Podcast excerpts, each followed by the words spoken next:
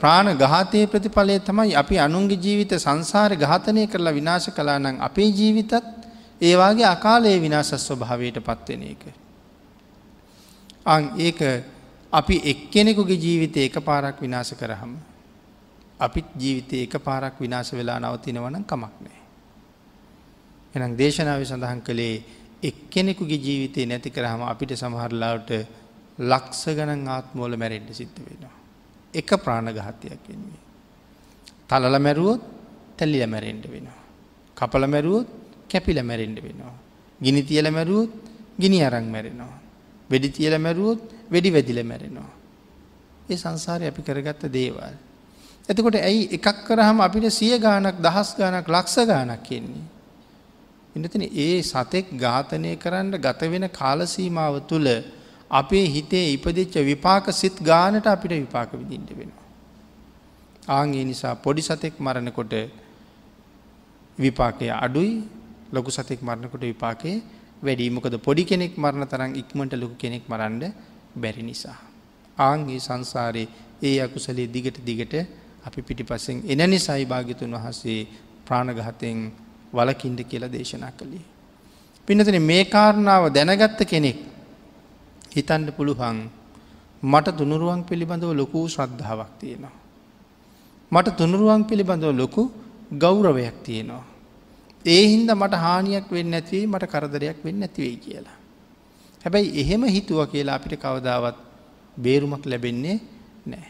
තුනුරුවන් පිළිබඳව ශ්‍රද්ධාවක් ගෞරවයක් තියෙනවා කියලා අපි බේරෙන්නේ නෑ. මොකද තුනුරුවන් පිළිබඳව ශ්‍රද්ධාවක් තියෙනවා ඒ වුණට මංගතින් තවම ලොකු කුඩා සත්තුත් මැරෙනවා.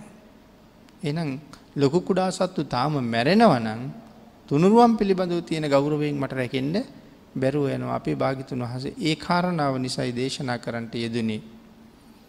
ඇහැට පෙනෙන්න ඉතාම කුඩා ජීවියෙක්වත් මරන්ඩ එපා කියලා. ඇහැට පෙනෙන කිසිම සතෙක් මරන් දෙපා කියලා භාගිතුන් වහස දේශනා කළේ ඒ නිසා. තවත් කෙනෙක් හිතන්න පුළුවන් මංගේ රත්නත්‍රයේ පිළිබඳව තියෙන අප්‍රමාණ ශ්‍රද්ධාව නිසා බොහෝම දම්පැන් දීල පින්කං කරගත්ත කෙනෙක් කියලා. ඊළඟට භාගිතුන් වහන්සේ පැහැදිලි කරලා තියෙනවා විශේෂයෙන් මේ අංගුත්තර නිකායවාගේ අංගුත්තර නිකායේ දසක නිපාතියේ ජානුසෝනි කියන සූත්‍ර දේශනාවේ. භාගිතුන් වහස පැහැදිලි කරනවා එහෙම දම්පැන් දුන්න හම විතරක් එහෙම බේරෙන්ට පුළුහන්ද කියලා.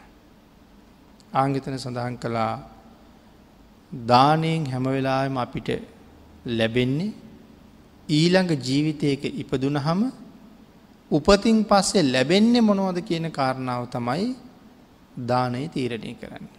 තව තැනක ඉපදුනහම ලැබෙන දේ තීරණය කරනවා දානයෙන්. හැබැයි ඒක තීරණය වෙන්නේ කොහැර ඉපදුනාට පස්සෙනේ. එතකොට උපදින තැන තීරණය කරන්නේ කවුද.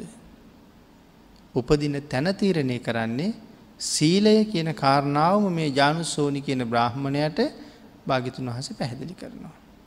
පුද්ගලයෙක් උපදින්නේ කොහෙද කියලා තීරණය කරන්නේ සිල් ඒ පුදුනාට පස්සේ එයාට ලැබෙන්ඩ ඕනෙ මොනවද කියල එක තීරණය කරන්නේ පෙරදුන්න දානය. ඒ නිසා සිල් නැතුව දං විතරක් දීලා අපිට කවදාවත් සැනසෙන්ට පුළුවන්කමක් නෑ. සීලයත් අවශ්‍යයි දානයත් අවශ්‍යයි.